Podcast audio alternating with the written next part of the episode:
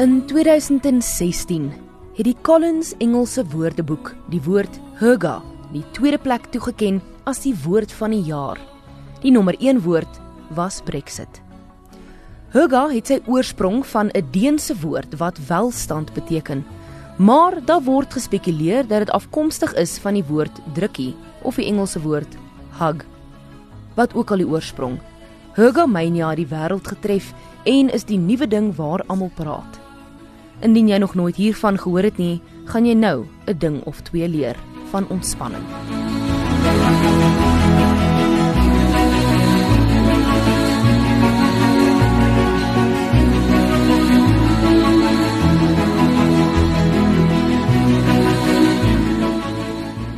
hygge word gebruik om 'n erkenning te gee aan 'n gevoel of oomblik in tyd.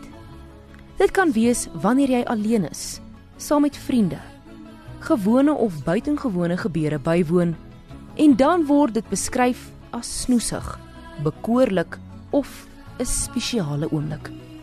Die woord hygge is vir die eerste keer aangeteken in Deense skrifte in die 19de eeu en het van toe af in 'n kulturele idee verander in Denemarke en Noorwe. Die leefwyse, soos hulle dit noem, vereis net dat jy bewuste waardering, 'n tipe traagheid en die vermoë om net in die oomblik te wees, maar die hele te erken en te geniet. Dit word beskryf as 'n gevoel. So as jy dit nie voel nie, gebruik jy nie die woord reg nie.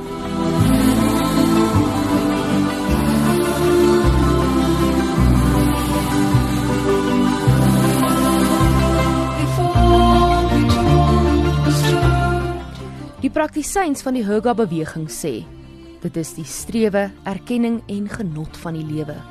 Die goed wat jou 'n sug van tevredenheid gee en jou laat voel dat jy nêrens anders in die wêreld wil wees behalwe waar jy nou is nie.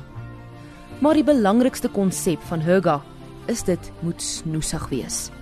So in die winter kan jy jou gemaklikste slaapbroek aantrek, rooibos tee maak en jou gunsteling Dion Meyer boek nader trek. Of 'n sop aand saam met vriende met jou pantoffels aan en 'n kaggel wat brand.